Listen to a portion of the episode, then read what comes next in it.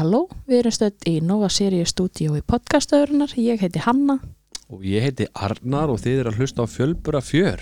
Já, við heldum að við myndum ekki komast yngar í kvöld þar sem að það búið rásalega mjög mikið að gera hjá okkur. En hér eru við, Já, takum þátt. algjörlega. Ég er sem sagt hendi mér í skóla og ég allar þess að geðvik er að taka meira prófið. Og hann að það er basically að gera okkur bæði geðvik held ég. Rosalega. En þetta er allt hægt með hjálp tengdafróðlar minna sem eru svolítið að styðja við baki á okkur núna meðan ég er í skólanum. Þetta er alveg sko föstar, lögudar, sunnudagar og mánudagar. Og heila bara allan daginn. Já, eða allan daginn þetta er aðeins, á- já, setni partur á kvöldin á mánudöfum og föstum en já, svo er ég náttúrulega bara að læra á milli og eitthvað þannig að þetta er pínu crazy í gangi Já, ég er að taka þá nætuvæktina. Uh, tvo dagir eru alltaf um helgar núna en það er, maður finnur ekki það mikið fyrir því þau eru fann að sofa nánast alla nóttina bara. mm -hmm. Uh, en já, það er bara rosalega erfitt að vera að standa einn í þessu en þetta er bara tímabil sem maður fyrir gegnum. Algjörlega, og svo er náttúrulega mamma í duðlega að vera hjá okkur og, og taka Og pappi, Já, ekki taka það á. Já, svo ætlum við að segja ykkur frá gjafaleik sem við erum með á fjölbrafjör Instagramin hjá okkur og við sem sagt fengum okkur Silvercross Stream bílstóluna fyrir þrýburana og erum alveg rosalega ána með þessa stóla og vildum þá í samstarfi við móður ást gefa eitt þannig stól. Já, Silvercross er búið að vera fremst í flokki í um 140 ár þegar kemur að batnavegnum og bílstólanir eru þeirra nýjasta vara. Og þeir hafa fengið bara bestu viðurkenningu sem gefin er. já, Þannig að á, öryggis, öryggis basis Já, þannig að þetta eru mjög góði stólar og bara mæli með. Við erum allavega rosa sátt. Algjörlega. Og ef þið eigi von á týpurum þá fáið þið týpur afslátt hjá móður ást. Já, þegar hún þeir eru með fjölbura afslátt já, og alveg veglega það er búin að vera mjög góðar okkur við um þrýbura, komum rosalega vel á móts við okkur þegar við, hvað? eigum við þrýbra. Já. já, algjörlega. En já, þau eru svolítið búin að vera bara mjög góða við okkur Og líka hann að, já, bara mæli með að kíkja á lauga, laugarvegi 178. Það eru með rosa mikið af flottum vörum sem að eru bara æði. og þjónust upp á 100 Já, þjónustan er frábær þannig. ángarinn sko og þá, og þá er ég meira sem áður fórum að, að vera með podcast og í samstæri varnaskilu þá hafa bara verið æðislega við okkur alveg frá byrjun Já. þannig ég bara mæli rosalega með Já, algjörlega. en já, ef þá ekki bara að demba okkur í þáttinn Hendum okkur í þáttinn.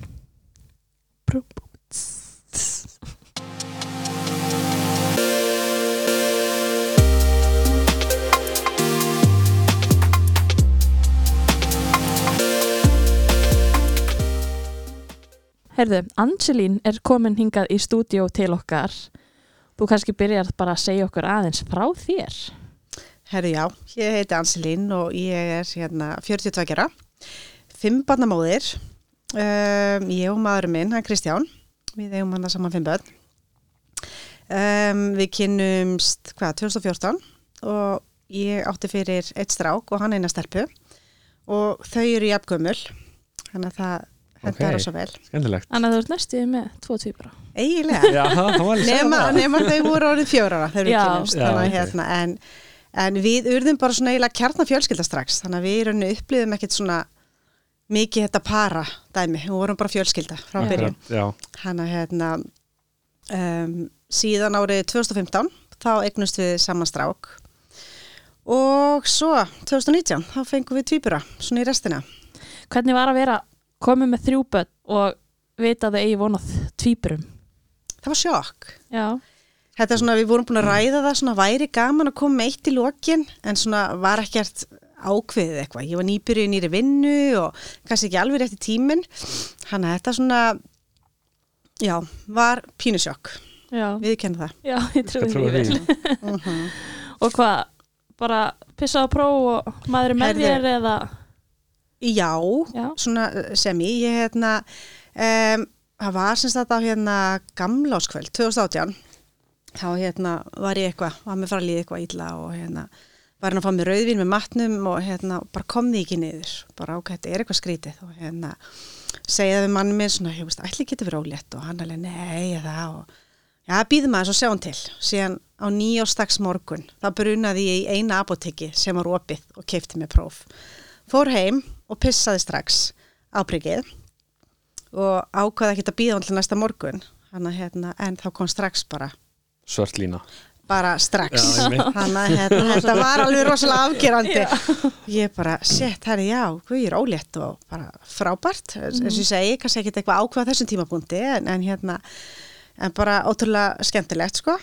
Og hérna og ég ákvað bara strax þarna eftir uh, áramóta hérna að ringja og fá tíma hjá kvennsýtumlækni til að fara í svona hérna Snemsonar. og ég er ekkert með neitt ákveðin kvennsýtumlæknir þannig að ég ringdi bara hann í lækningu og fekk tíma hjá bara næsta laus ég er svolítið svolítið það er alltaf að gerast bara strax Já, sko. líka sko ég þurfti bara að fá staðfestingu Já. núna og hérna hann að ég fór að hitta hann hérna Þórð Óskarsson minn Já. hann heitir alveg dásamlegur og hérna og ég fer hérna til hans og, og hann skoða með eitthvað og, og hérna og, og segir svo já ég sé að hérna er, er fóstur en hérna er eitthvað svona skrítin ég svona spáði ekki í fyrir eftir á. Og svo segir hann hérna en þú ert komið rosalega stutt þannig að hérna uh, komdu aftur eftir viku og taktu þá mannin þinn hann Kristján með þér og ég var eitthvað, já, ok, þetta er rosa sérst Já, grunaði ekkert á Nei, ekki neitt, Ok. ég var bara eitthvað, já, ok. Kem svo heim og segi við Kristján hérna, herri, hérna, ég fekk tíma eftir næstu viku og þú átt að koma með mér. Hann eitthvað, já, já, já, ok. Eh, hugsaðum ekki reitt, sko. Síðan förum við og ég fekk tíma hérna og Kristján sækir mér í vinnuna og við brunum hann upp í lækningu og, og, og hérna, ég fyrir skoðun og hann segir hérna, já, hérna er sem sagt, hérna er eitt. Og vel já, rosa glöð er. ekki fyrsta skipti sem við gerum þetta en jú, rosa gaman og hérna og svo segir hann "Eh, ég þarf alltaf að tökur þetta sé fleiri. Og, og ég alveg, já, nei, ég mitt svo segir hann, jú, hérna er annað. Og ég segi, nei, þú ert að grínast. Nei, nei, hérna er annað. Og ég byrjaði bara að titra og tárast og var alveg að fara að gráta. Já. ég fekk bara þannig Mhm. sjokk Kristján hins vegar, hann fyrir hlátuskast og gæti ekki hægt að hlæja. Þannig að við vorum bara svona á sitt hvorum endanum hann bara hló, hló og ég bara lágu tárin. Það var mjög eitthvað skríti hérna, hérna. og svo bara löpuðum við út með sónamyndina með tveim börnum og stóðum bara á ganginum. Shit. Og fyrsta sem ég hugsaði var bara Guð, hvernig bíl verður það að fá okkur? Já, Þetta er þetta fyrsta sem að að hugsa Já, það er ótrúlega skrítið.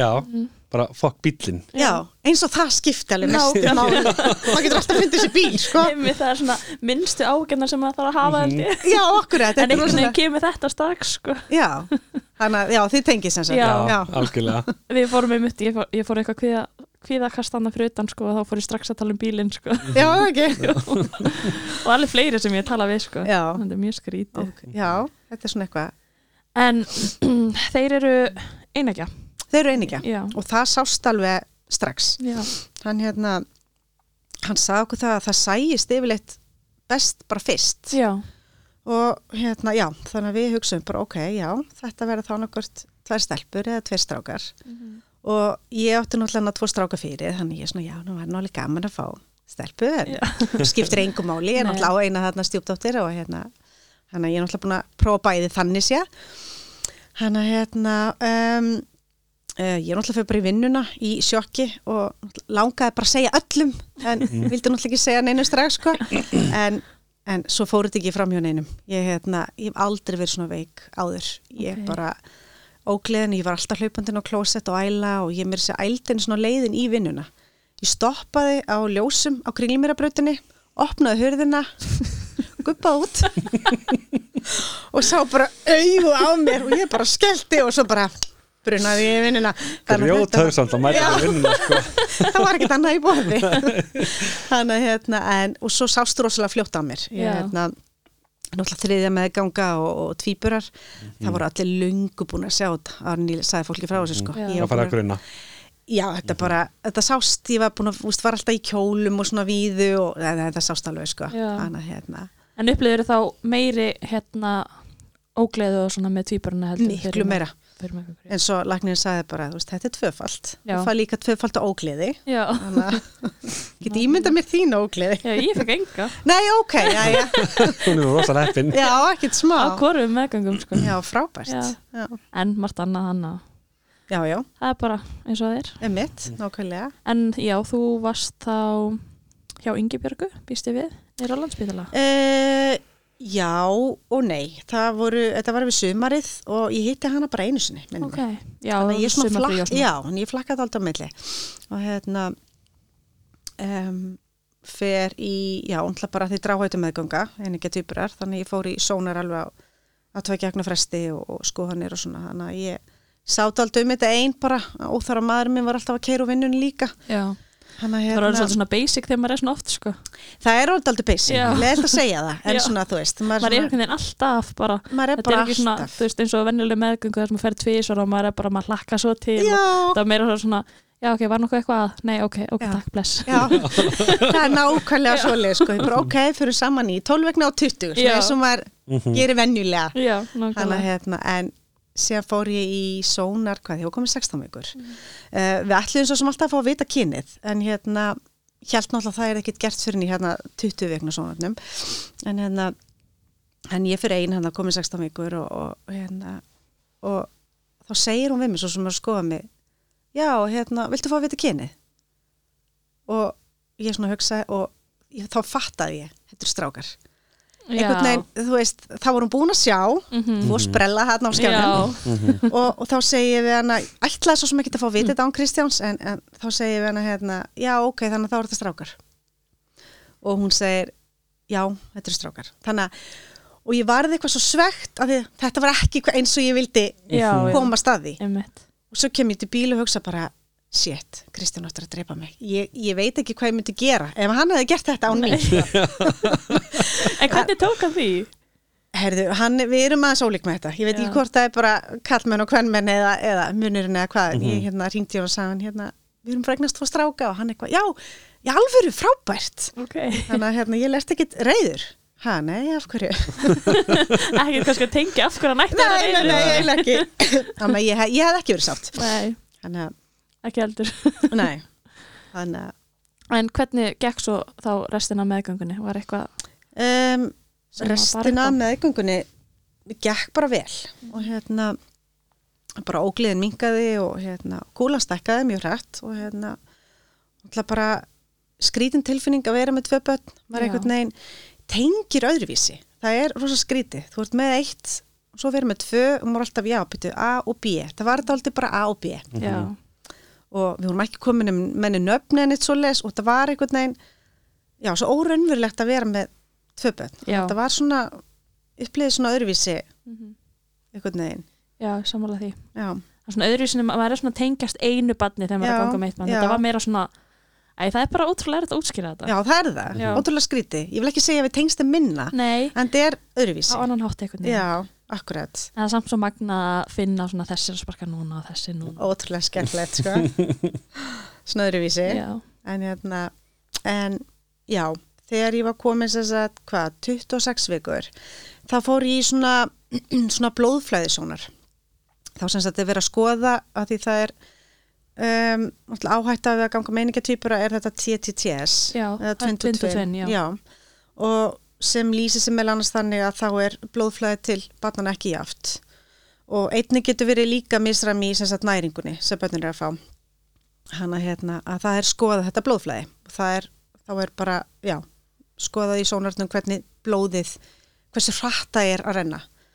Og hérna um, við fyrir saman í þennan sónar og hérna og svo er það búið og hún segir já, þetta kom alveg vel út. Það er svona hérna svona aðeins pínu frávik en, en allt í lægi þú veist, og ég er svona eitthvað já, ok og hérna, já, já, bara frábært.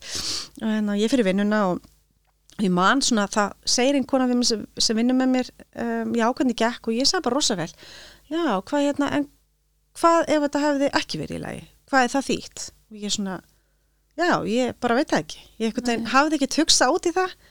Þú veist hvað þetta af hverju var að vera að framkvæmið þetta ég, þetta var bara svona rútínera Já. þannig sko og maður hugsa líka bara oft þegar eitthvað er í lægi ef maður fær þær upplýsingar Já. að þá kannu einhver bara svona hugsa maður ekki með annað það, það er bara svo les, þannig ég var ekkert eitthvað að kynna mér þetta nána Nei. sko. en síðan fyrir ég að heita fæðingalækni held ég í vikuna eftir og spyr hana út í þetta hún segir já, æ, þetta er bara svo sjálfgeft, þú þarf ekki að ágjöra þessu og ég sagði já en ef, alveg með spurningarnar já, þá, þá þurfa hérna konur ofta að fara erlendis í hérna, í blóðgjöf eða að hérna brenna fyrir á fylgju eða eitthvað svoleiðis. En þú þarft ekki að spóið því. Og ég, já já, ok. Að hérna. Og svo þegar ég er komin hérna mm, 28 vikur að þá um, fer ég aftur í svona sonar og fer ein í það skipti. Já, af því að maðurinn minn er að vinna svona aðeins út fyrir bæinn og hérna fannst kannski óþarf að draga með mér í þetta aftur af því að það gengi svo vel síðast. Já, og ég man þetta var semst á uh, förstu dags eftir mig degi og ég fyrir inn og hérna hún svona skoða mig og er eitthvað svona já og segir svo við mig um, þetta lítur ekki alveg nógu vel út.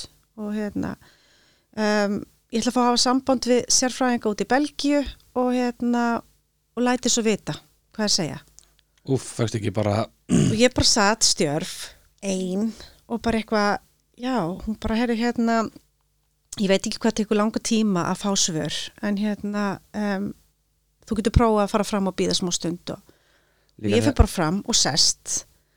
Og það skrýtna var að ég var búin að býða rosa lengi eftir þessum sónatíma. Ég satt frammi og átti eftir að fara að sækja í leikskólan og ég man ég hugsaði að ég, ég er spóið að beila bara. Ég ringi bara að fæ hana tími næstu viku. Þetta er auðvitað allt í lagi. Já, einhvern veginn. Síðan akkurat ég ætlaði að fara að láta meila hverfa sko, ég er búin að býða, ég veit ekki klukkutíma einn og hálfan, að þá kallar hann á mig. Og heila, já, svo betur fer, fór ég ekki sko, hann að hérna og ég fer og sest fram og, og hérna og svo kallar hann á mig stuttur síðar og, og segir mér hún sé búin að fá svör og um að, að ég þurfa að fara út eh, bara strax á sunnudeginum. Og þetta var hvaða dagur þá? föstudags eftir með og hérna og hún muni hafa samband við mig uh, um kvöldið varðandi flug. Þess að þau myndi bóka flug og ég þurfti að fara heim að bóka hótel.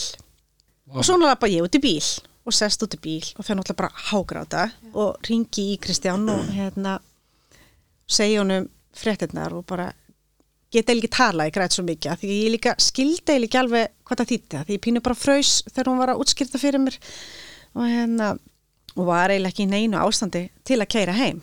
En Það er hérna líka svo gott í svona erfiðum þegar maður er að fá erfiða fréttir að hafa eitthvað með sér að því maður fer náttúrulega svo mikið sjokk og það fer bara allt út hinnum einn sko.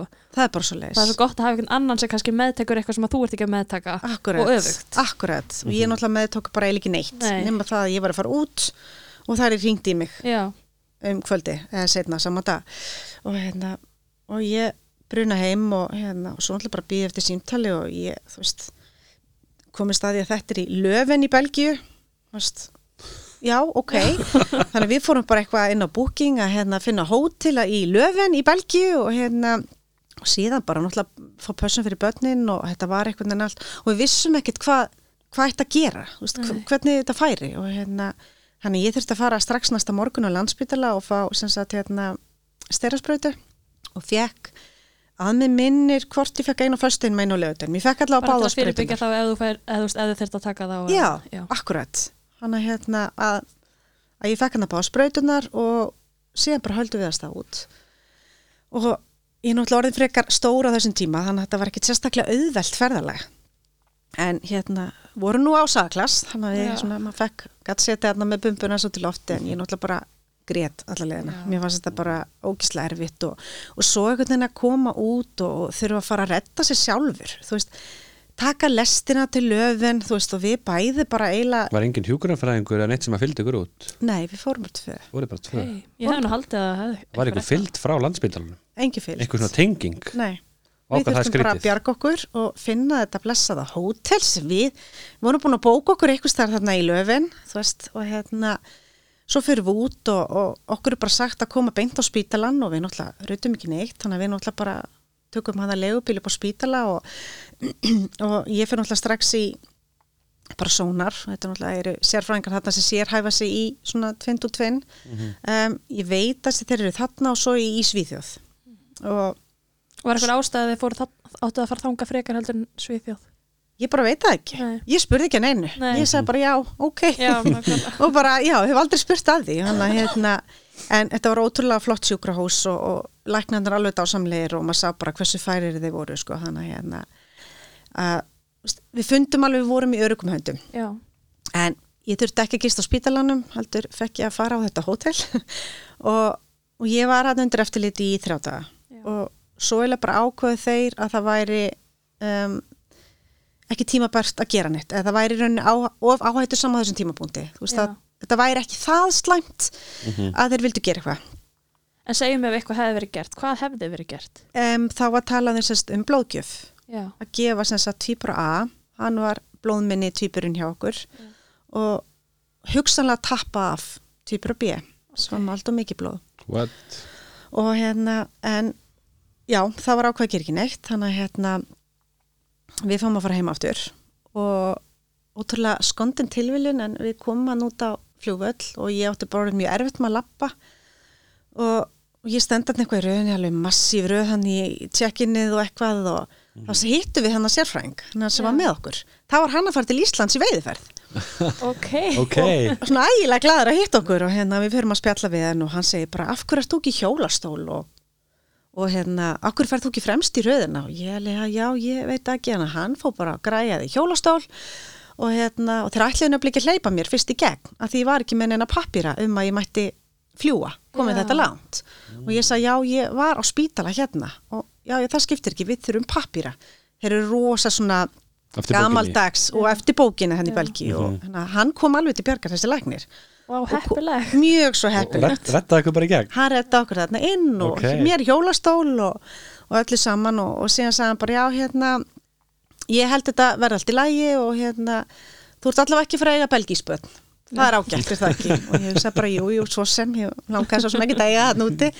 Hann að hérna, við fyrum heim og, og komum heim á þriði degi og um, á miðvikudegi fer ég aftur í skoðun Norrlandsbytila og það lítur ágætli út þá. Um, síðan á föstudeginum þá fer ég aftur og um, fer aftur einn alltaf einn í skoðun. Uh, hérna, hann, og þá sem sagt um, segir hún mér þetta lítið aftur í lút Var þetta þá búið að vestna? það voru þetta búið að vestna Já.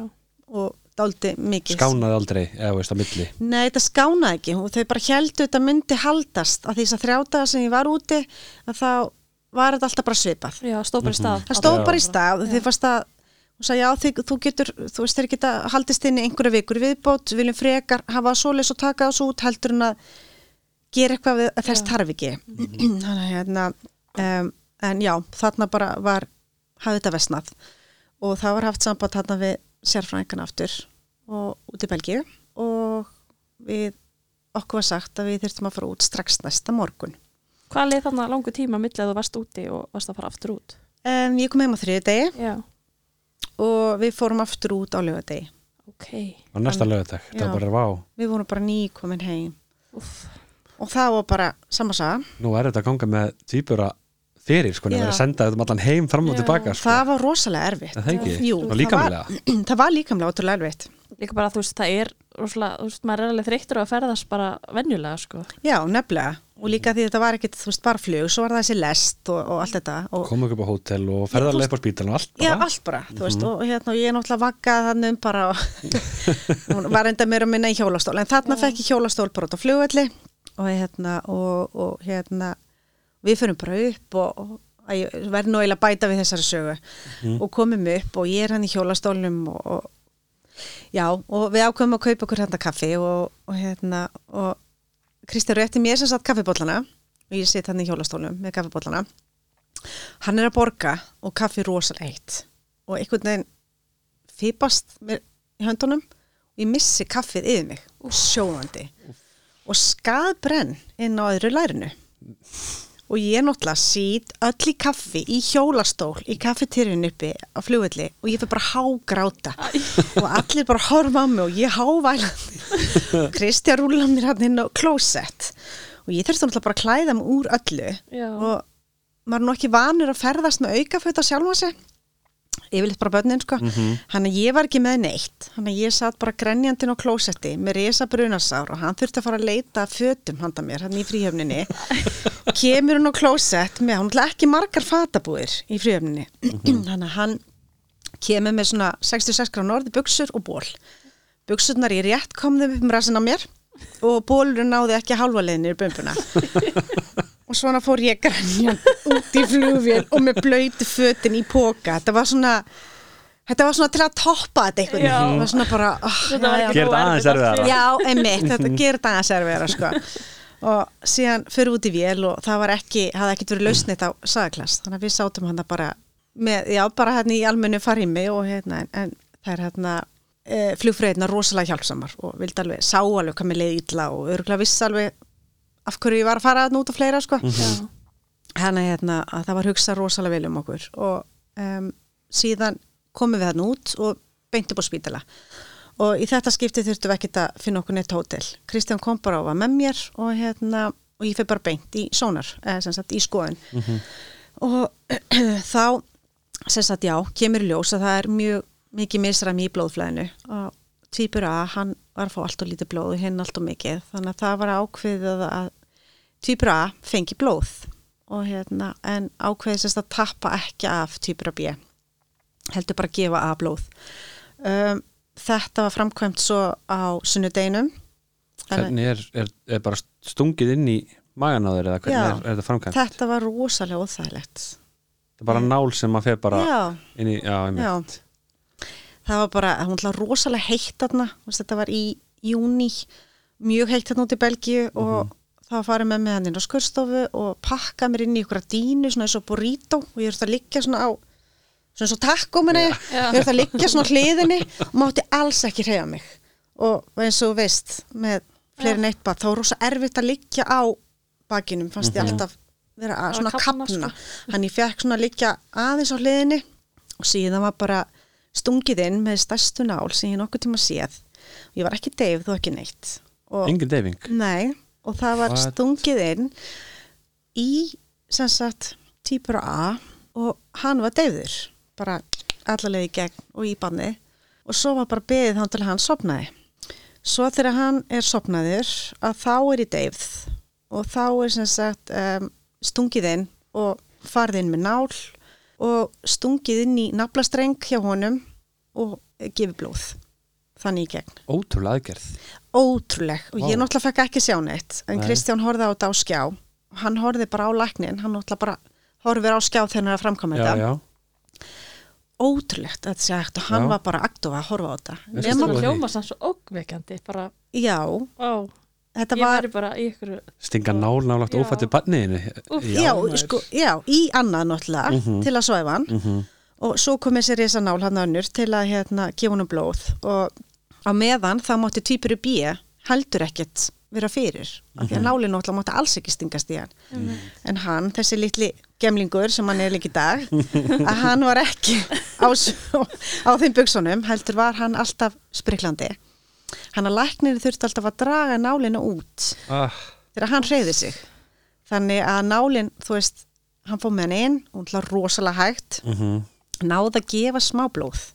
Og svo fyrir hann að sparka og þá drefur hann út þannig að aðgerð sem átti að taka hálftíma tók einn og hálfan tíma. Úff. og ég var hann svo rennsveitt og tímileið svo hægt. Ég náttúrulega átti að með enga veginn á hvað, var, hvað var að gerast og Nei, það vildi engi segja mér neitt. Og ég hangi að eitthvað í Kristján og bara Kristján er þetta var búið, er þetta var búið, hvernig gengur? Bara rosalega vel. Hann er alveg jákvæði tíman sko. Og þó vildi hann náttúrulega ekkert segja. Og svo þegar hérna, þetta á búið að þá segir læknirinn rennsveittur bara this was a very tricky procedure. Ég man alveg þá var fyrsta sem hann sagði. Og þá var þetta útskipt fyrir mér sagt af hverju þetta hefði tekið svona langa tíma. Þannig ég var ekki ímyndað mér, mér fannst þetta alveg bara endalist lengilega. Það er ekki sagt þér bara einmitt þarna hvað var í gangi bara Nei. þú myndir ekki stressa stuð nákvæmlega, því ég mátti alls ekki hreyfa mig. Og það var rosa erfitt að liggja kjöri þessari stellingu svona lengi. En var Nei. þetta mikill sársöki? Nei, bara þegar það var stungið inn til að deyfa. Já, bara það. Já, og svo var ég deyf þarna. Þannig að aðlega var þetta bara óþægilegt. Mhm. svo var maður líka bara stressaður og, og, og svona.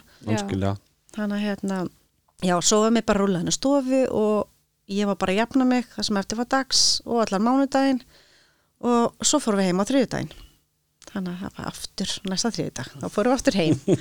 Þannig að hérna að um, já, og ég ætla nú að minnast á það þegar ég var komað út og, og læknandur ætla að skoða mig og ætla að byrja að hérna, kipa allir upp og fyrsta sem ég sá var brunasárið. Fengur nú miklar ágjör sem brunasári. Þetta var vist alveg stærri en ég hafði haldið sko. Okay. þannig að það var alveg búið um það og, og hérna það var, alveg, það var svona priority fyrst þegar ég kom. Brunasári. Svona frekar vandræðilegt að útskýra hvernig þetta er að hérna en já, þannig að við fórum heim og, og hérna og í rauninni með þessari blóðgjöf vorum við bara að kaupa ykkur tíma. Já, og þeir töluðum að það væri á milli svona tveir dagar upp í tvær vikur. Og Hvað varstu komin langt þarna? þarna var ég komin 29 vikur. Já, rétt rúmlega. Já, hana hérna að ég viss alveg þú veist þetta er ekkit meir en 31 já. Og það var alveg skrítið. Þannig að maður fekk samt svona pínu undibúning en samt ekki. Ég viss alveg þetta er fyrirburar en Já. einhvern veginn einhvern veginn hafi gengið svo vel og ég bara svona gerði ráð fyrir ok, þetta verða tvær vikur og, og hérna. Síðan bara já á föstu, á miðvikudeginum hann daginn eftir, þá fyrir ég í skoðun og það lítur bara vel út.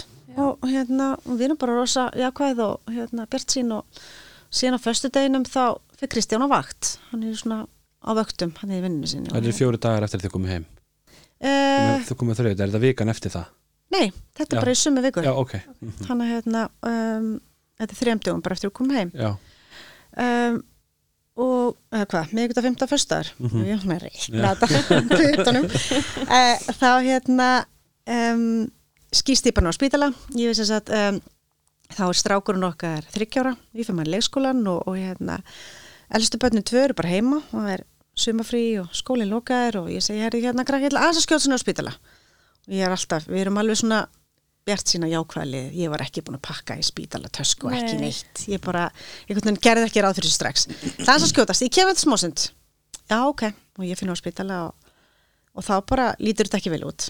Það er þetta brist alveg rosalega á þessum teimtugum Hvernig fljótt að gerast. Já, mjög fljótt að gerast. Og þá var bara ákveðið að taka það var bara, herði, við þurfum bara að taka á núna 29 vikur.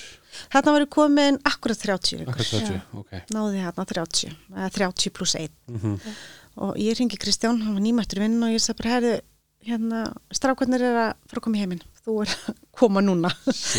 Og hann bara, já, já, já, ég sagði, herðu Guð, nennir að fara heim og hérna hann er að redda börnunum í pössun og allt Já. þetta. Og nennir að hendi ykkur í tösku. Mann, ég blótaði sjálfur mér í huganum hverju var ég ekki búin að gera þetta sjálf? Hann var í stresskasti að kera reikinnesbrutina og hérna og fór heim og pakkaði og alltaf pakkaði ekkert í sem hann átt að pakka. Þannig svona hlutaði allavega og, hérna, og, og kom svo neyrir eftir og, og ég held að skoðunin hafi verið klukkan tí og, og, og þeir voru fættir um, tvíbur af að fættur hvað, kortir í þrjú uh, 1444 og tvíbur B 1446 Ó, bara 5 tími senna já, þannig að þetta gerðist rosa rætt Fekstu hérna stera þarna líka eða? Nei, þessi sterar sem ég fengi fyrir, fyrir, já, það sem sagt var alveg nóg. Ok, hann að hérna en þetta var þriði keisari minn þess að ég svo sem viss alveg út hvað ég var að fara þar. Já. hann að hérna, en ekki það ég hef aldrei séð svona mikið af fólki Nei, inn á skurstofunaður, ég er svo sem spáði lítið í því en Kristján taldi eitthvað á milli 22 og 24 já, og náttúrulega bara, já eins og þið þekki En við náttúrulega samt höfum samt ekki þetta við að bera að því að hérna, þetta var fyrsti keisari minn já, ok, þannig að ég kannski myndi ekki vita hvað var margir í bara þegar ég var, með, var með eitt bann nei, ég er svo sem mann það ekki heldur en það Nei. voru ekki svona margir Nei, en ég man þetta var mikið af fólki sko. Já, ég trúi því. Þannig að svo náttúrulega er, þú veist, hérna teimi með, eins og þið vitið, hverju barni með sko bad, hverju badni. Það er einhverjir fimm einstaklingar eða eitthvað Mhm. svoleiðis. Hann að badnalæknir og ljósmeður og fleira, hann að hérna, að, hann að það voru mjög margir hérna inni, ég sá það. Já, Og svo náttúrulega bara skorið og, og þeir teknir og ég fekk ekkert að sjá þá. Þeir voru bara setti strax í kassa og fara með þá upp á vöku. Og það er samt ekki ótrúlega svona erfitt að mér fannst það bara fárunlegt. Mhm. veist, að fá ekki að því að máli var að ég náttúrulega var búin að vera á spítala erlendis Já, þannig að ég mátti ekki koma nála þeim og ég var bara sögum saman og Kristján fór upp á vöku með þeim og ég var bara ein eftir bara lágu tárin einhvern veginn, búin að eignast bönnin vissi ekki neitt, þú veist og hérna og mér var rúla bara á sængukvæna gang og þar var ég sett í einogrun þáka ok, til á meðan var verið að taka svona mósa próf ok Hvað var Þannig þetta að- langu tími? þetta voru þó nokkur klukkutímar. Ok, alveg einhverjir 5, 6, 7 tímar. En hann, en hann hefur samt feng- fengið að fara með þeim Já, hann fór með þeim, Ok, af því að hann hafði náttúrulega ekki verið hann í aðgerð Þannig að hann fór með þeim og, og hérna sendi mér myndir og, og vídeo og þetta var eitthvað svo súrealist. Mhm. Já. Liggja í rúminu, engin börn og vera svo bara í símanum Já. að horfa á börnum mín. Einhvern veginn, já, ok, ég var þetta A og þetta B og hann var að koma við þá og ég kunni bara á hinni línunni, það var rosa skrítið. Þetta er rosa skrítið sko, Já. við tengjum mikið, þann, Já. mikið, tengjum mikið þannig sko. Já, er það ekki? Já, þetta er surrealist Já, það er mjög surrealist einhvern veginn, maður svona bara er bara vanur að fá barnið sitt í fangi eftir að fæðist. einmitt. og þarna er það bara í einhverjum kössum og þú mátt ekki svona og maður það líka vera svona, þú veist, má ég þú veist, má ég snerta barnið mitt? Má ég líka við horfa barnið mitt? Já, nákvæmlega Þetta er er allt svo öðru sem að fá barnið sitt í fangi Þetta- og bara hefði þetta er barnið mitt. Þetta, þetta er allt annað. Já, Og voruð þið mikið veik, eða veist, þegar þið fættust Þeir? Já, Já. þeir. Um, nei, þeir voru nú alveg nokkur haustir. Og hérna, um, ég fekk að sjá það þarna um kvöldi losna á reynangurinn og fekk að fara upp á vöku og að koma við á. Sem var náttúrulega bara besti heimi að, Mhm. bara aðeins en, en samt svo eins og þið segið skrítið að sjá börnin sín bara í kassa og rétt svo að fá að snerta á sko. Nei, hérna, en uh, síðan daginn eftir þá fengum við að halda á þeim og ég held á, ég man eftir þessu A og, og Kristján fekk að halda á B. Ég hef aldrei séð það haldið á svona pínu litlum börnum. Allir í slöngum og einhvern veginn þú veist, Mhm. þeir voru 1400 gram voru svo Á, pínu ponsu litlir. Mhm. og hérna, en einhvern veginn já þarna bara, einhvern veginn var mér samt svo létt, ég sá bara það var allt í lagi með þá og þarna, ég vissi að þeir væri bara að fara að dafna og, og þú veist braggast þannig á vökudeildinni, þetta yrði einhverja vikur Já, en þetta yrði allt í lagi. Já. En út af því að Anna var blóð minni og hinn stærri fættust þeir, veist, var einhver mi- mikill munur á þingdina þeirra svo? Með nánast engin Ok, það var ekki sem sagt um, þeir nærðust alveg jafnvel, já, það var bara munur á já, það er blóðinu. Já. Ok, ekki á næringu, en það getur verið voru Já, tveggja, já, en í já. okkur tilfelli var það bara munurinn á blóðinu. Mhm. og sem sagt tvíbur að þurfti að fara í blóðgjöf að fá tvísar blóðgjöf eftir Mhm. fæðingu. Og um, já og annars bara gekk vel, ég náttúrulega fengu hérna mjólki gegnum sondu og, og ég náttúrulega byrjaði strax að pumpa mig og ég hef aldrei geta verið með börn á brjósti.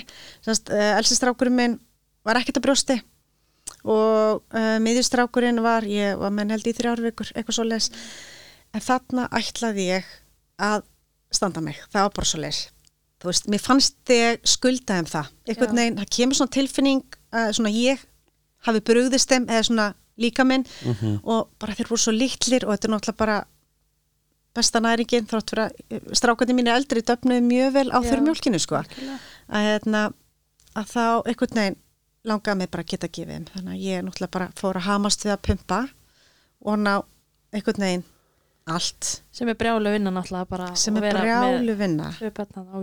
já, það er alveg auka mál sko. Mhm. Þannig hérna, síðan hvað, daginn eftir, þegar voru tvekja dag gamlir, þá um, fer um, Kristján heim til að vera með eldri börnin, en það voru þau náttúrulega búin að vera alltaf mikið í pössun hann með við vorum erlendis. Hann hann fyrir heim og ég er hann eftir bara nýra á sænkunnatagangi og hérna strákanir uppi og, og hérna uh, svo kemur ljós að þetta tvíbur að að hann er komið hita, komið sýkingu í þarmana. Um, það vill vist gera stundu þegar börnir er svona blólitil að það hefur rosalega áhrif á meldingafærin. Þannig að var komin ykkur stípla í þarmana en það fylst með honum og um, hann fekk bara næringu, síklarlif í æð og við móttum ekkert halda á honum Æ, og hann, hann láð þetta bara í kassa, bara lítill og lasinn og, hérna, og hann fengur bara að halda á týpur bíu. Um, já, Kristján fyrir svo heim og ég bara hérna einn eftir og, og hérna og síðan man ég, ég var svo tjúnuð, ég var búin svo svo lítið, ég fengi styran, hann hann ég fór út og svaf ekkert á þessum styrum og svo bara stress á ferðarlegunum og allt þetta og, og ég var svo gjössalega búin á því að hérna það kom inn til mín um, hjúkunarfræðingur og gaf mér söptöflu og saði mér bara taka töflu og reyna að sofa eitthvað. Og, og hérna og ég man, ég hugsaði bara nei, ég get það ekki. Ég, ég get ekki hugsað mér að taka og vita að þeir eru ekki hjá mér. Einhvern veginn, ég hafði ekki einhvern veginn og eiginlega sem betur fer af því að svo klukkan hérna eittu nóttina þá kemur barnalagnir hlaupandinu stóðu til mín og segi við mig að þessi komið gat á þarmana hjá týpur A og hann þurfa að fara í aðgerð núna og ég þurfa bara að skrifa undir samþykki og sem ég gerði. Ok. Og síðan hleypur hann út og ég sitt bara ein eftir hann stof og ég bara gjössanlega brotnaði saman og bara ég trilltist af því að ég held bara að hann væri frá Já. það bara heldist yfir mig bara einhvern veginn maður búin að vera svo jákvæður og sterkur einhvern veginn á öllu sem gekk á Mhm. þarna bara gæti ég ekki meir ein og hérna Kristján heima og, og, Þú og ert svolítið óheppin með það að vera alltaf, Já. alltaf svona einn þegar Já. áfallið, áfallið kemur já, það er alveg og það, sem er bara rosa erfitt það er rosa erfitt Mhm. og líka því að hann bara hljóp út og ég vissi ekkert meir og ég fekk ekki einn svona sjá hann áður en að fór í aðgerna ég set bara eftir Já. og ég veit ekki neitt hvað það þýðir.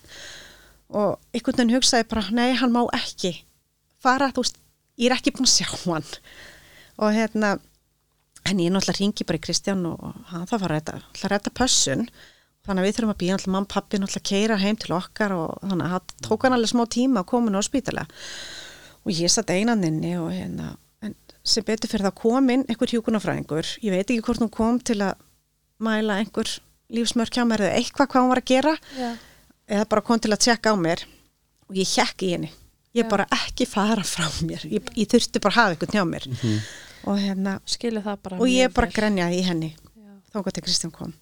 Bara, já, það er einhvern veginn bara svona allt sem að búið að byrgist inni frá því að þetta kom upp allt saman. Bara, já, bara grét út í eitt. Já. Og síðan náttúrulega bara kom hann og við bara byðum og þetta var einhverjir fimm klukkutímar. Og sem hann var í aðgerðinni? Já, Vá. eitthvað svo les Og það algjör óvissa allan fimm- bara. já, vissum ekki neitt. Ég vissi ekkert hvað það þýtti eða síðan var hringt í okkur og sagt að þetta gengi vel og við möttum koma upp á vöku. Og Kristján rúla mér hérna upp í hjólastól og, og hérna ég hef aldrei verið svona slæm eftir keisara. Ég bara gat ekki staðið því ég fann svo svakalega til. Ég, alveg, ég finn tvö skiptum var ég mjög fljóta að jafna mig. Þarna var ég bara að farast. Og hann rúlaði mér upp og, og við fáum að sjá hann og, og hérna, þá er búið að færa hann inn á gjörgæslu. Og hann er í öndunavél Úff. pínu lítill og hérna og þá hafði verið tekið sem sagt hluti af þörmunum þar sem skemmti var og búið að setja upp stómabóka Já.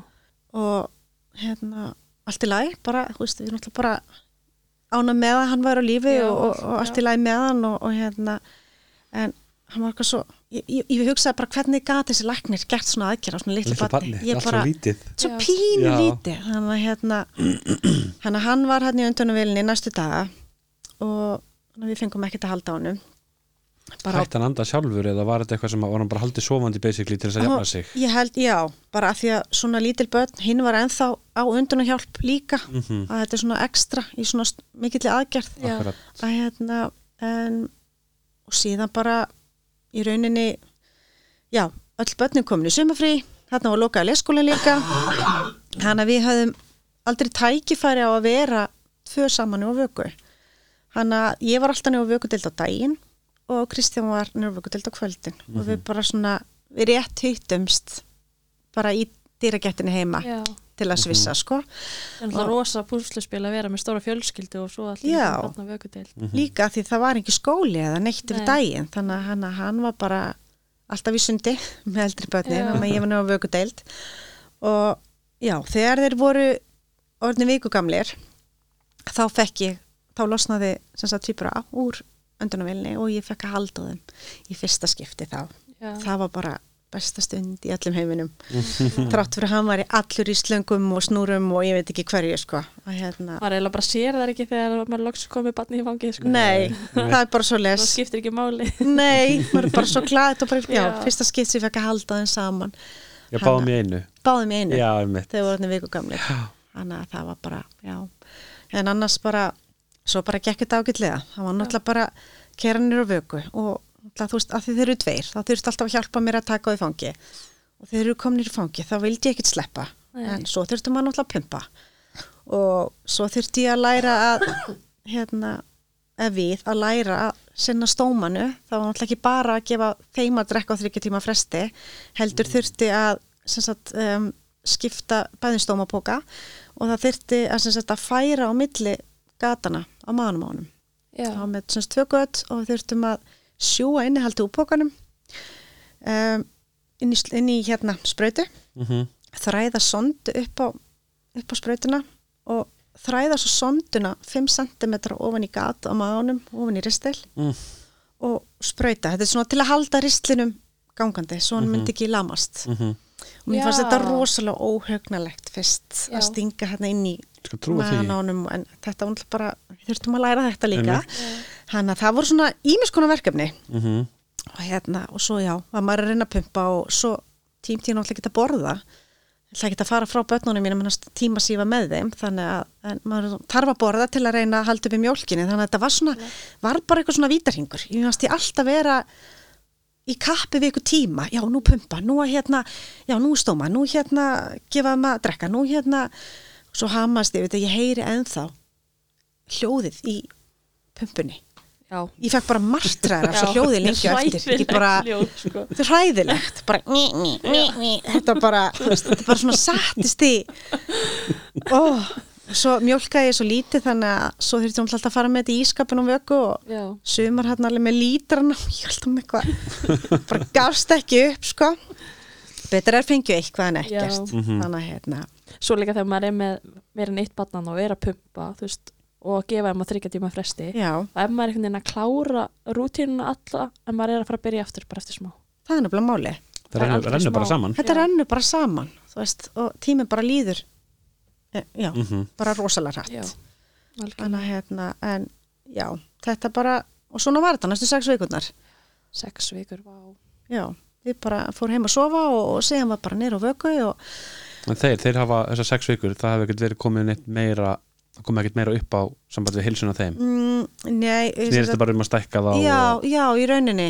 Týpur A fór aftur í blóðgjöf svo komist reyndar að týpur B hafði fengið smáveila heilablaðingu og hérna sem vil gerast þeirra með svona mikið blóð það er líka alveg mjög hættulegt að vera Já. með mikið blóð. Hvað sér, heila blæðingu? já, ok, en sem betur fyrir bara fyrsta sex og hún sem sagt gekk tilbaka þannig að Ok. hérna að það var svona en öðru leiti kom ekkit alvarlegt upp á enn eitt sjokki þegar eitthvað var sagt það já, ég bara svo var bara neini það var bara, já, þetta gengur öllum líkindu tilbaka ég alveg, ok, ok, náttúrulega bara og ég, eina sem ég lagði í þessu ferli, ekki googla ekki googla neitt mm bara ég, þú veist, ég gerði það ekki fyrir setna Já. og þá bara fríkaði út þegar ég Já. sá hvað hefði geta gerst Einmitt. þannig ég er mjög fegin að hafa ekki að ég tók þessa ákverðin um að vera ekki að, að hérna, lesa mig til og mikið um þetta sko.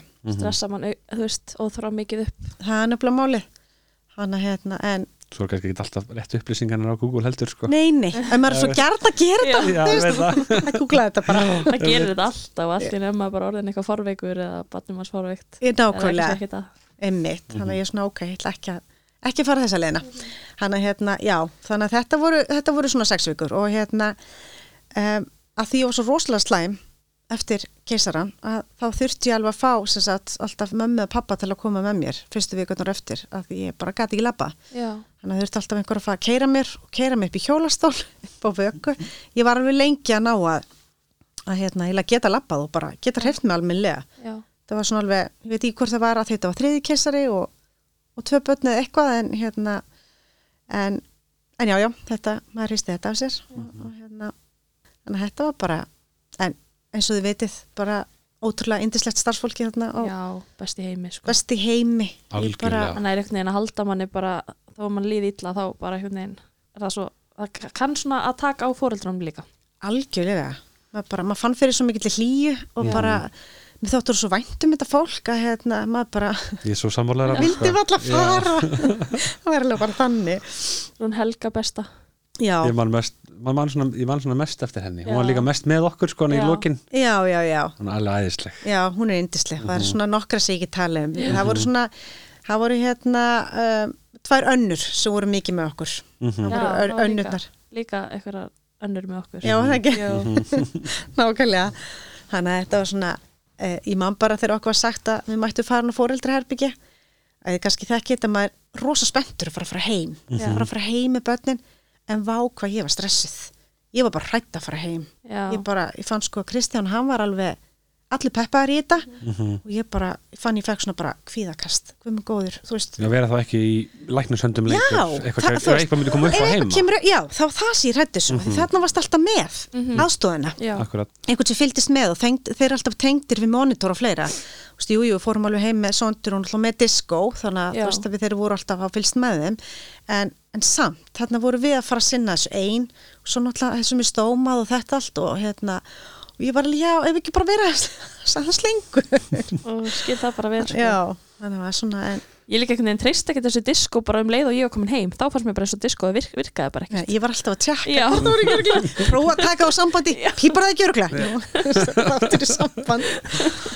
Það var stoltið svo les já, þannig að hérna en, en já, en það var rosa gott að koma heim. Já, og, og, Náðu að undirbúa, náðu að undirbúa fyrir típur náðu að koma heim, ég ætla að geða ekki. en, sem, Herbergi og stækkaðu um bíl og allt þetta sem hann þetta e, gera. já, við vorum búin að kaupa bílinn. Ok, hérna, maður minn er svolítið svona bílakall þannig að hann var búin að rætta því. Mhm. og búin að kaupa stóla og svona en hérna uh, húsið er dálítið svona að springu þetta á okkur.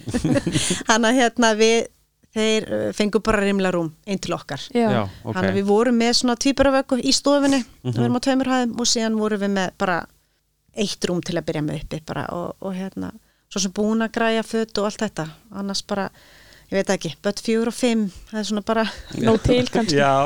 Nei, ég er nefnilega ég þarf að hafa það eins. Já, ég er alveg, þeir þurfa að vera alltaf alveg eins og ég er það klikk sko, eftir að þeir fættust og annar kúka í gegn þá skipti ég um föt að báðum ég tengi svo mikið við þetta Alltaf. mér langar alltaf að hafa þau eins og Arnar er alltaf bara eitthvað, hvað er að þér? nákvæmlega svo hann kannski vakna með þeim og ég kannski er að fara kannski með Ingeberg eða eitthvað, hann er búin að klæða þau og ég kem heim og ég er bara, í hverju eru þau? Hverju eru þau ekki stíl það reyna vera ekki á stjórnsamir en en stómin, er þetta eitthvað sem að uh, er hann ennþá með? nei, hann sem sagt var með það í rúmlega þrjá mánu Ok, þannig að þetta er eitthvað sem gekk alveg tilbaka. Eh, í bara meðan að hérna þarmandi voru að jafna sig. Já, Ok, og hérna og um, þannig að já, við þurftum bara að sinna þessu heima. Og þetta sjá í rauninu borðstofborð hjá okkur, það breytist bara svona læknisborð. Við vorum Já. þarna bara með náttúrulega viktina og allt sem tengdist náttúrulega hérna sándorm og öllu og svo Já. bara stóma græjunum.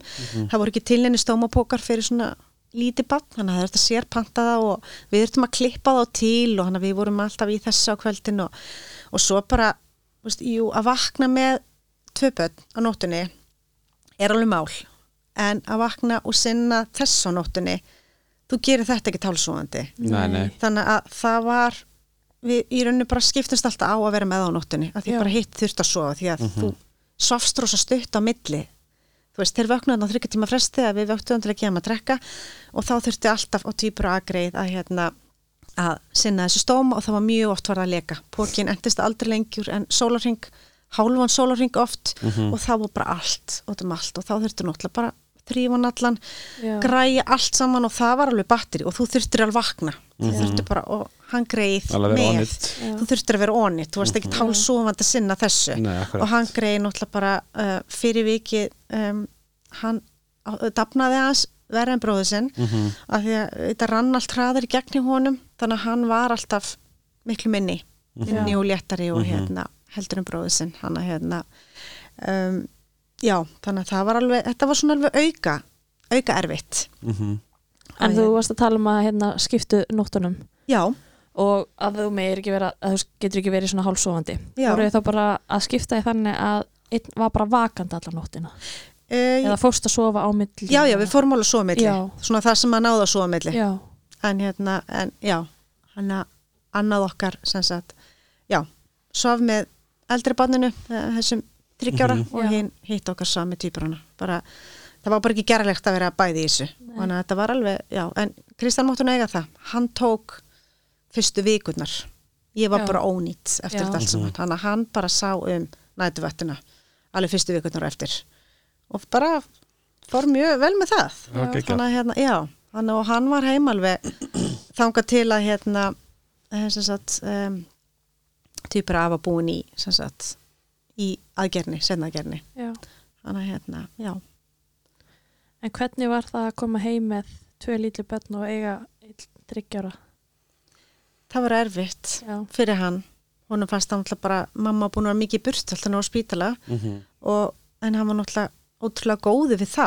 Já, en, en hérna, og svo sem okkur líka en, en jú, þetta var erfitt. Já.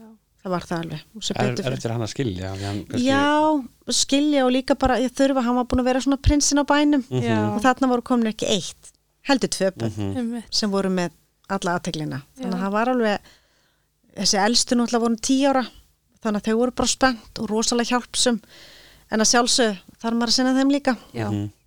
hann að þetta fór mikið í að reyna að skiptast á að sinna öllum börnunum.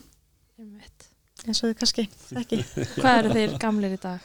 Týpurarnir, Já, þeir eru orðin tveggjara hvernig gengur lífið í dag? Fimm börn.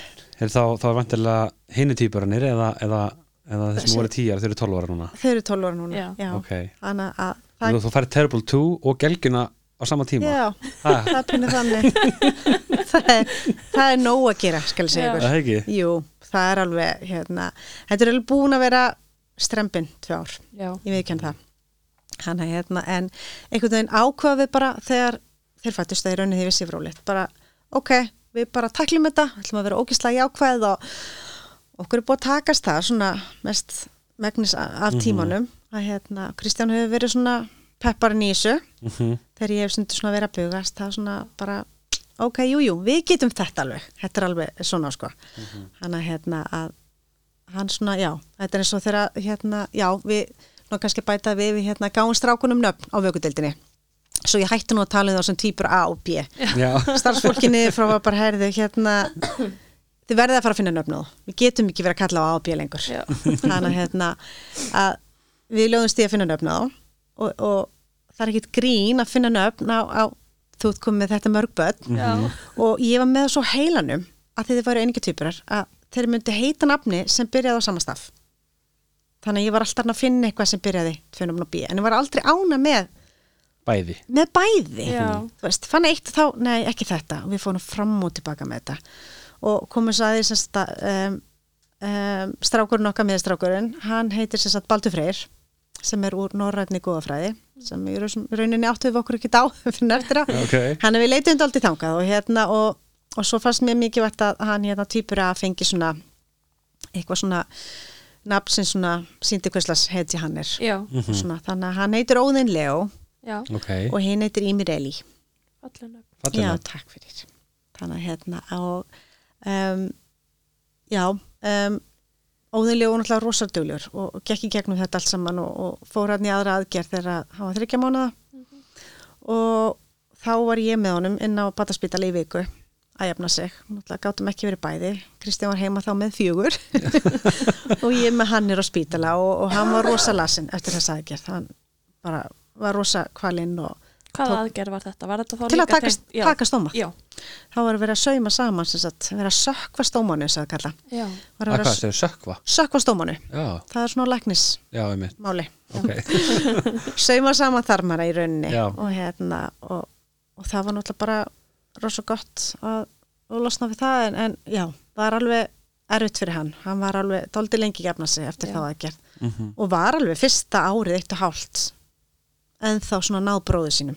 Já, bróður hans var náttúrulega búin að fá miklu betra tækifæri til að dafna, Mhm. fekk alltaf að sofa á milli gjafa, að menn hann fekk það ekki. Já, þannig að hann var alltaf mikið fyrir til Mhm. veist, hann var fyrir til að skrýða, sita þú veist, labba, allt saman. Já. En í dag er þetta mjög áþekir já, hann er búin að vera ótrúlega er svona, Og lítið alveg þessu út. Er það svoleiðis? Okkur finnst það ekki. Nei, en, en öllum finnst þér alveg eins. En hérna, Ímir Eli, hann er svona uh, litla skessan okkar, mm Mhm. ég er búin að fara með hann þrísonni á Sleisó og hann er með tvö Já. stór ör á enninu núna. Það er þannig að fólk þekkir það sundur á örinni já, Ok, alltaf kíkir fram og já, já, þetta er áðalega þetta er Ímir Eli en mér finnst eiginlega alveg merkilegt með að við þessi einægja hvað eru ólíkir? Sko Já. líka bara típunar já. Þeir eru bara svart og hvítt Maður har oft heyrt þetta með, með, hérna einegja tvíbura að Já. þau fá bara sikkur að mata smekkin og það er bara allt svona það er bara Er allt það bara sikkur manneskjan þannig Þa, þetta er náttúrulega bara sikkur manneski en maður einhvern veginn finnst þeir vera svo sami Já, en þeir eru bara persónulengin þeir eru svo ólíkir að Já. þú veist, já, Þetta er sem að samfæri mig um það að, að við fæðumst með sálun okkar að Já. þarna serðu þetta eru tveir einstaklingar Já. næstu í sama DNA akkurat. Með sama fóreldra, sama umhverfi já, og veist, þetta er marg sannað Mhm. en samt alveg, sikkur, alveg frá byrjun sikkur persónuleikin og sikkur manneskjan. Já, það er alveg stórmerkilegt. Mm þannig að við fengum um þetta að heyra þetta bara strax á vöku. Já, þessi verður ákvæðan en þessi. Akkurat. við sjáum þetta oft strax og ég er svona já, einmitt, þetta er nákvæmlega þannig eins og þær sögðu við þannig að þær sá í gegnum þetta. Þannig að mér finnst og einhvern veginn, ég hafði svo mikla ráðgjur að meðgöngunni að hún allt kom upp. Það sem ég hafði mest ráðgjur af var að þekkja það ekki sundur. Mhm. ég var svo hrættum að myndi fæðast og ég myndi ekki þekkja börnum mínu sundir Já, rugglaðum saman Já, eða eitthvað svo les, ég var alveg guð, á, þarf ég að merkja þá eftir ég fæðast? Og ég var alveg þarna. Við hugsaum þetta líka sko. Okkar er ekki einu svona einægjað Nei, nei. En þau eru mjög lík. Já, segja það margir, ég sé það ekki. Nei, ok. Eins og hjá þér sko. Já. Já. Fóreldrarnir þekkjaði best. Já, það, það er, algjörlega það er bara svo les. Er þannig Þannig, og svo náttúrulega kannski maður klæðið og eins og líka virkaðir en þá, Já, líka sko. Þannig að, En hvernig er svo lífið í dag og er, er þetta aldrei of erfitt á köflum? jú, Einfalt svar það er bara þannig. Já, já, Suma daga þá hugsa ég bara í vissum aðstæðum, hvað ég geti þetta ekki. Mhm. Það er bara þannig, það er bara ekkit í bóði að geta ekki. Og það er ótrúlegt hvað maður getur tæklað. mhm, Það er bara svo leis. Það er svolítið þannig og ég bara, ég er vön að vera dálítið ein. Sem sagt, uh, maðurinn minn er sem sagt á svona þrískiptum vöktum Mhm. og þriðu hverju viku er hann alveg aðheiman. já, Þá sem sagt, um, kemur hann heim eitt kvöld í heila viku. vá Og þá er ég bara ein. Ok. Og þannig var það frá því, hann fer á fyrstu vaktina þegar að strákarnir eru bara nokkra mánuða. Og ég er bara ein með gengið og mamma, ég sko, mamma mín er í guðatölu. Ég bara, ég veit ekki hver ég væri ef ég hefði ekki mömmu mína já, og Mhm. pappa. Mamma kom og flutti inn með ferðartöskuna þriði hverju viku í heilt ár. Já, Bjó hjá Vá. mér í heila viku. vá indisleg Mhm. Já, ég bara, ég, ég veit ekki hver ég væri ef hún hefði ekki gert það. Nei. bara, þú veist, bara gekk um gólf með mér á kvöldin. Veit, Mhm. svæfði þennan þá sem var fjórara. Æ, þú veist, bara gekk í öll verk heima fyrir og þetta er svo í skuldinni feitt í allinu, sko. bara, og þeim báðum. En þau eru svona í rauninni eina hjálpun okkar já, og þannig að við höfum fengið þrísvar nætupössun. Við höfum fengið þrísvar nætupössun frá því að tvíburandi fættist. í alvörunni Já, Það er svo sinnum já, á tveim árum. Vá Og hérna, já, ég sé sem það er ekki margir að berjast um að passa öll þessu börn. Nei, Og mamma og pappi, það er svolítið mikið, ég er ekki að setja krakkan alla í þess að þessa þrjá yngstu til þeirra. Fínt að fá hjálp en, en kannski ekki nætupössun. nei. Mhm. En hérna, um, við fengum okkur óper, prófum það, og vorum með hann í sjö mánuði. ok og það var alveg snilt. Og ég ákvað að gera það árin ég fór að vinna aftur. Bara svo Ok. ég hugsaði að mér varst bara nógu erfitt að koma hinum að stað út í daginn en að fara að koma týpurunum að stað já, Mhm. sjálfur mér og öllu þannig að við fengum okkur óper og, og hérna Já, bara er heppið með þau per við vorum rosalega heppin Já. og hérna hún alltaf auðvitað er þetta kostur og kallar, það er alveg áriti að vera með manneskinu á heimilinu. Einmitt. 24-7 og það voru margir sem sögðu við mig strax og þegar Kristján fór að vinna hvort ég vildi ekki fá mér óper Já, og ég sagði bara nei, ég er veist, að kynna spötnunum mínum, ég er ennþá bara æ, þú veist, mér lítur ég mér bara langaði ekki strax, ég þurfti bara að vera tilbúin til þess. Og hann að hún kemur hann í oktober 2000 og já, 20 og ætla bara aðstofa mig, ég fyrir að vinna stuttu setna og bara bjargaði mér að koma öllum að staða mótnan og allt þetta. Og með úlfa tíman og svona. Mhm. þannig að þetta er snilt að, hérna, að, og hún sem sagt var með strákana þrísvari við nótt. Ok. þann tíma sem var hjá okkur. Og mamma og pappi voru sem sagt með þennan miðistrákin okkar. Já, hana hérna að það voru þessar þrjár nætupassanir já, og ég var að hlusta á einhverjum daginn og mér var Mhm. svolítið fyndið að ég fór að hlæja svona því ég hefði ykkur talið að hérna fyrsta nætupassunin okkar. Mhm. við ætlum að gera allt. Já, við vorum með tími spa, við fórum á svona hoppjól við vorum með hérna, þú veist við vorum svo búin á því eftir þetta kvöld. Og við sögum nákvæmlega sem þið af hverju fórum við ekki bara upp í rúm? Já. Og vorum bara það Maður var bara þreyttari eftir svona svaka date bara. Já og maður var alltaf bara, ok, nú klukkan á þetta nú þurfum við að gera þetta, alveg að nýta tíma sko, til þess ídrasta þegar maður ætti að vera að nýta tíman bara í að slaka á sko. Akkurat, þannig að, já tengja alveg þar Já, þannig að, en, jú, þetta er búið að vera þetta er búið að vera alveg erfitt ég viðkynna það. Og hérna um, sérstaklega eftir ég fór að vinna um, það verður rauninni ekki það að vinnan mín hún sé eitthvað erfið heldur bara það að fara að bæta því ofan og allt hitt. Já, var eiginlega svona bara punkturinn yfir ég fann þegar strákandi voru svona áskamlir þá fór ég að finna bara rosalega mikla þreytu og bara svona vannlíðan bara líkamlega verki og fleira, ég hef alltaf verið í góð formi, verið duglega að æfa og svona og ég bara alltaf mikið með þá í fangi og því er einu og svona og hérna og þessi náttúrulega miðistrákur nokkað það líka alveg mikla aðtekli og hérna þannig að ég fann bara að ég var svona búin á því. Og það er alveg þú kemst vist lengi af með kaffið í annari og kollabin hinni sko. Já, ég er alveg, fer alveg að pína á hnefanum og hérna en, en svo byrjaði ég að vinna og allt innu stóði maður í vinnunni að ég bara svona bara datt út. Satt fyrir um á tölvuskjáin og ég gæti ekki lengur unnið vinnuna mína. Skjárin var bara svona blörraður og ég var bara með svima og hausverk og ókleði nú varst þú komið bara svona líkamleg kvíða já, enginn líka. ég er bara líkamleg svona víst og bara að krassa. að krasa og ég svona, það var svo margi búin að ræða þetta við mig, bara farðu valega, fylgstu vel með einkjönum, þannig ég var alveg búin að lesa mér til um það og svona sá eiginlega alveg pínu hvert stemdi, en maður svona horfir ekki á rauðuflökin sjálfur sko, Nei. maður svona bara já, já, jú, jú, þetta verður allt í lagi, þetta er bara fyrst, ég er bara að venjast því að byrja að vinna. Og mér varst ekki erfitt að byrja að vinna, mér varst alveg það var alveg gaman að fara að hitta vinnufélag og borða hátegismætti minn Já. sem einhver annar eldaði onni mig Já, í friði. Varst, og ég var svona vandræðilega spennt alltaf hjá þeir sjáu því hvað er mér í matinn? Og allir hinn alveg, já ok. Mér varst þetta svo, svo geggja því ég var alveg hérna. En svona vinnulega sé það átti alveg erfitt, þú veist, ég, ég var fann að vera með svona hjarsláttu tröflanir og andstutt í vinnunni og þurfti alltaf að vera að standa upp frá skjánum því ég bara gæti einbytt mér. Ég datt út þegar fólk var að tala við mig og ég átti orðið erfitt með bara að vinna vinnuna sem ég vann áður ég bara myndi ekki neitt og bara og sat þarna oft bara eins og maður svona að reyna að vera fake it till you make it. Og ég var alltaf bara ok, þetta, þetta líður hjá. Ég er bara að venjast í mántilega eitt og hálft ári í burtu. Já, og hérna ég nefnilega, eftir fæðingarlof þá um, tók fór ég veikindalefi bara svona til að reyna að jafna mig og hann ég fór að vinna. Mhm. en strákarnir voru að byrja leikskóla og voru mikið veikir þannig að þessi þetta veikindalefi fótt aldrei að vera með þá bara heima. Mhm. hann að hérna um, þeir eru mitt hérna tóku líka upp á því að fá RS þannig nokkra mánuða og, og lágur á barnaspítala þá í ykkur tíu dag já, þannig að þeir voru alveg, það var ímislegt búið að ganga á þessum tíma og, Já. og, og ná allt eitt. Mhm. þannig að hérna að, já, þeir eru fyrir að vinna svona já, ok, þetta bara kemur og svona bara, ég meika þetta síðan fer ég eitthvað viðtal hjá mannistjóranum og hún er að spurja mig bara, hvernig gengur að vera komin aftur? Og ég er svona fer að lýsa í fyrir henni, hún svona já, ok, þetta tekur tíma og hittum aftur hérna eftir einhverja vikur og ég fer aftur. Og þá fyrir að lýsa í fyrir henni bara hvernig mér líður. Og hún segir bara, þú veist að þetta eru bara merki alveglega kulnunar. Já, ég alveg, ha, já, ok já.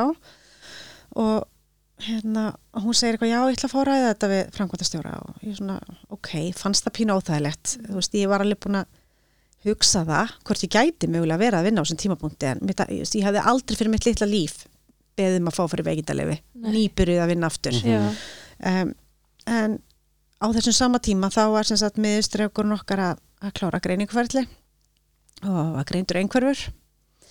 Og það var sjokk fyrir okkur fóreldrana það var ferðli sem búið að ganga og verið í gangi sinna var tveggjára Já. og hérna Ok.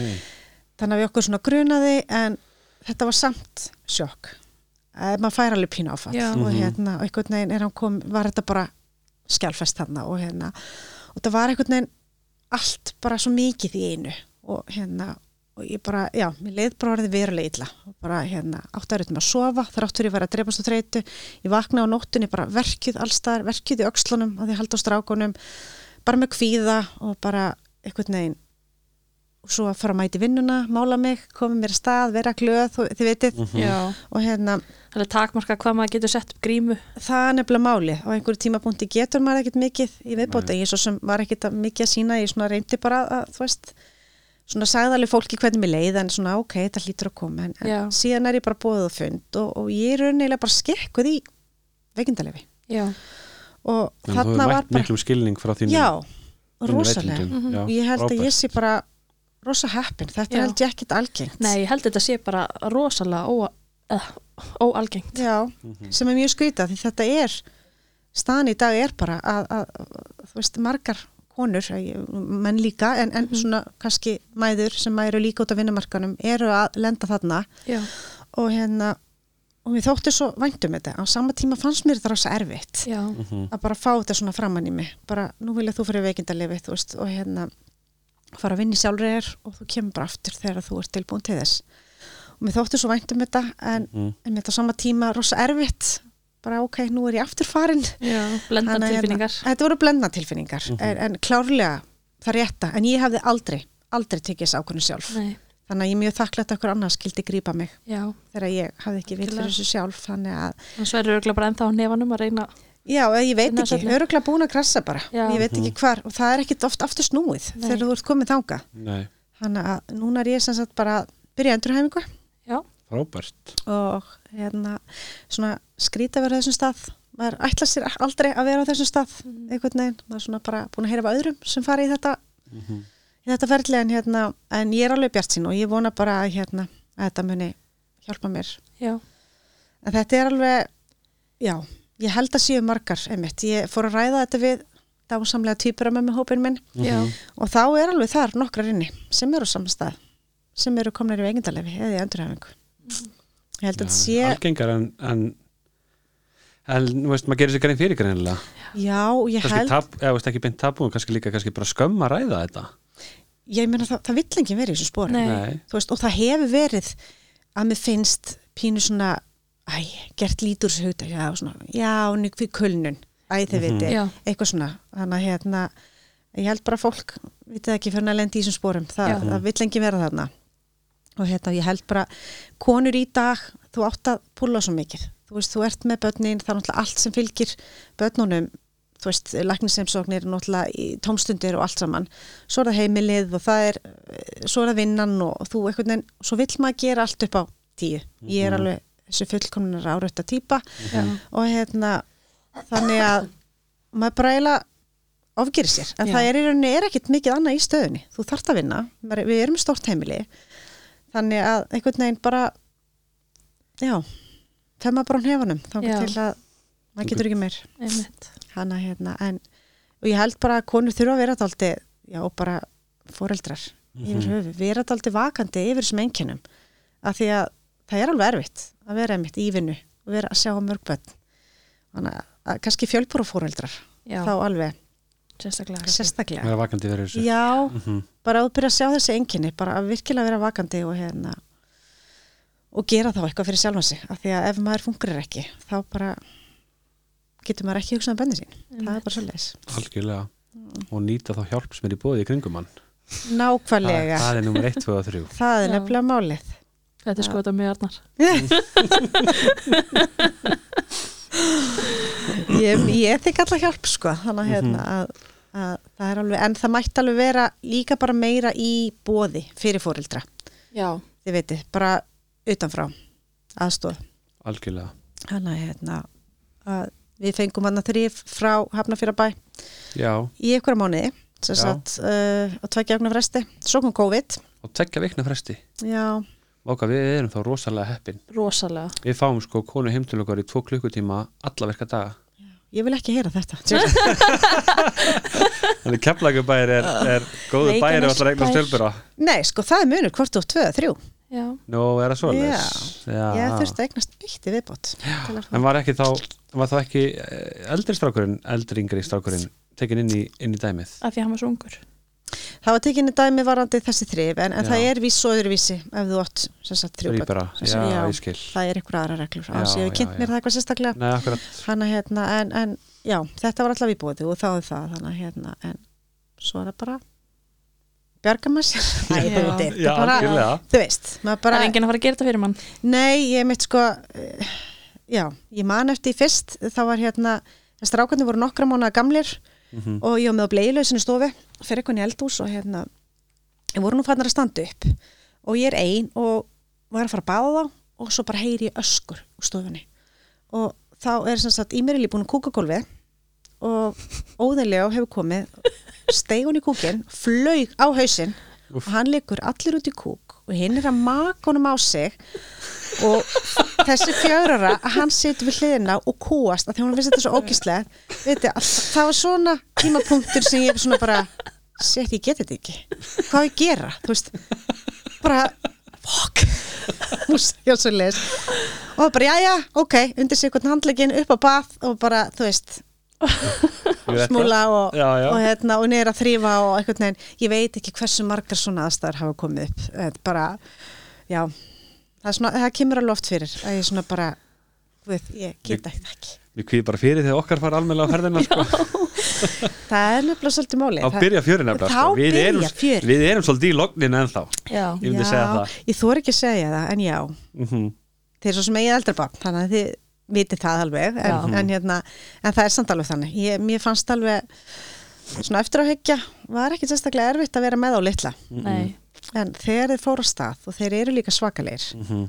að þá, þá byrja fjörur. Þeir fóru alltaf í sig ykkur áttina. Og ég stóð með oft að því að horfa annar var fann að klifra ykkur starf upp á og hinn einhver starf annar staðar og ég þurfti bara að vera rosa snögg að hugsa hver er meiri hættu, Já, hver má ég bjarga fyrst? Akkurat, þetta er svona bara þá þarf þetta að fara að hlaupa sko. Akkurat. Ég mun að þannig. þetta frá öðrum fjölbærafóröldum sko. Þannig að mitt plan er sko, ég ætla bara allt sem er hættulegt, bara út. Já, Það verður bara, bara girðingar inn í afmarka Já. hitt á þetta. Ok, Ég ætla að reyna þetta já, já. Ég til að bara- fylgjast með.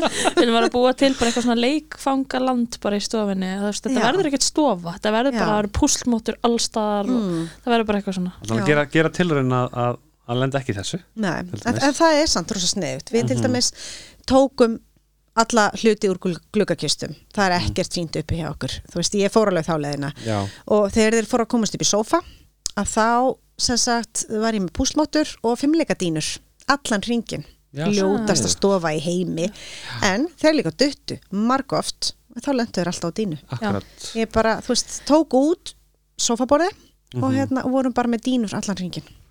Maður verður veist, bara að hafa ljóta stofu eða hús í smástund með að Það er maður er með svoleiðis. svona Mhm. Ég bara, þú veist, já, að því þeir duttu, ég ég þurfti alveg að hlaupin í eld og svo ná í eitthvað, þú veist, Já. þú þarft alveg að Geta skilað eftir í já, smá stund í pínustund, ég Já. nota reynda leikrind ég var doldið með hana, stundum Já. líka Mhm. og hérna, mér í þig Leikrind, hvað er það? Það er það bara svona Svo lítið búr, bönni núni Já, Já Það er einmitt það sem við vorum að hugsa með þetta við vorum að spáði að gera grindverkinu og búið til svona stóra leikrind Já, akkurat. að því þau eru þrjú. Stórt Já. búr. Já, stórt búr. Sko, maður minn kallaði þetta alltaf búrið. Já, já. Og mér fannst allt svo hræðilt, ég ætla Kristján, þetta er leikrind setum við núna í búrið. Svona fancy orði við búr. Já, Leikrind Já, en auðvitað reynir maður að lámarka og það hjálpar alveg. Og að setja náttúrulega festingar alla skápa og allt Ég veit ekki bara húsið er eins convenient og eins og hægt er að hafa það. Þægindi fram yfir, yfir veist, Við tókum við það approach sko að, að að hvorki sófin, það er ekkert annað sem okkur er ekki samum. Nei, þannig að maður sé ekki líka á tánum yfir því að þau sé fara að eyðilega eitthvað. Einmitt, skilur akkurat það er nákvæmlega svo bara leis króti sófuna eða veist, Já, já, skiptir ekki máli. þú veist, við erum með sófin okkar og ógeð, ég veit Mhm. ekki er að þú aftur utan hann. Og hann verður þannig stofinu næstu tvö árin. Akkurat, það verður ekkert nýtt keift á næstunni. Þeir eru svakalegi sko.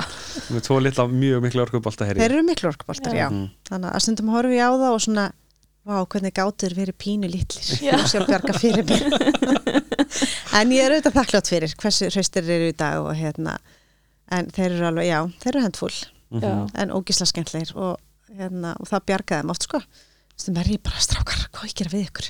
En svo hlæði ég maður á bara. að vera reyður en, svo, svo, en samt er maður hlægandi sko. Já, já, veist- það er alveg pínu þannig Já. sko. já, þannig að hérna en já, en dásamlegir. Já, algjörlega. Ræðislegt, bara takk fyrir að koma til okkar og, bara takk fyrir mig. og segja, segja þína sögu. Já, Já, bara bara takk fyrir mig að fá því Já, já, bara takk kærlega, rosa gaman að hitta ykkur og, hérna, og spjalla við ykkur. Já, það er svo gaman að hitta aðra fjölbyrðarfóröldleika Já. því maður tengir svo. Já. það er náttúrulega máli, maður alltaf já, einmitt. Ég veit akkur hvað það tala um. Nákvæmlega.